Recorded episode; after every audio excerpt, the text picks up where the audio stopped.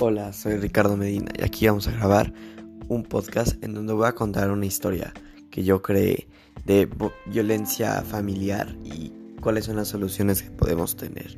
Entonces, una vez había una familia de lobos que pues este, vivían felices en el bosque, pero había un lobo que era chiquito, el único chiquito, y lo único que hacían era molestarlo, molestarlo y molestarlo.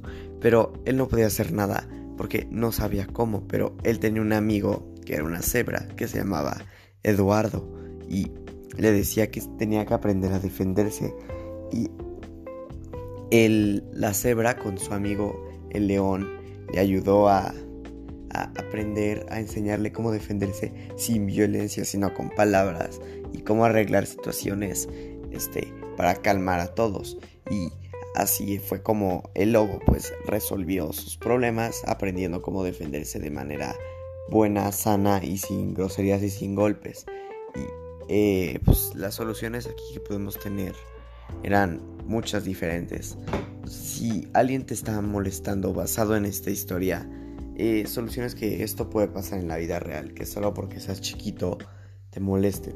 Entonces puedes eh, hablar con un adulto o eh, para que hablen con ellos o si es tu propia familia eh, tienes que hablar pero con un adulto que tengas confianza que no sea de tu familia o para que tú puedas vivir en un ambiente sano y a tus papás si ellos son los que te están abusando este los manden a un psicólogo o algo así para que aprendan que eso no está bien y que no se vale abusar de las personas.